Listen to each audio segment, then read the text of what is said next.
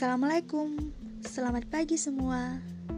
Semoga kita semua sehat selalu ya, dan wabah virus corona ini cepat berakhir.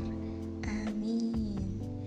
Oh iya, teman-teman, pendidikan selama pandemi ini tentulah membingungkan kita semua ya.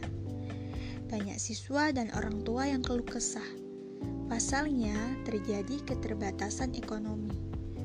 Bahkan, dalam situasi yang lebih buruk, orang tua malah bisa berhadapan pada pilihan dilematis antara memberi makan keluarga atau membiayai pendidikan anak. Wow. Dan hal ini berpotensi membuat angka putus sekolah meningkat. Selain itu, dampak lainnya, orang tua dan siswa harus mengakui bahwa terjadi kesulitan dalam memahami berbagai mata pelajaran. Dan saat menemani anak-anak mengerjakan tugas, mungkin orang tua tidak semudah yang dibayangkan. Namun, kerja keras para guru dan dosen selama ini sungguh patut diapresiasi ya.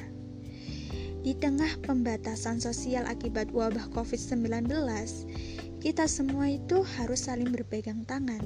Kita harus semangat mengajar, belajar untuk mengejar ilmu pengetahuan. Dan hal yang paling terpenting, kita harus tetap jaga kesehatan dan selalu bersyukur. Sekian dari saya. Wassalamualaikum warahmatullahi wabarakatuh. Semoga bermanfaat ya.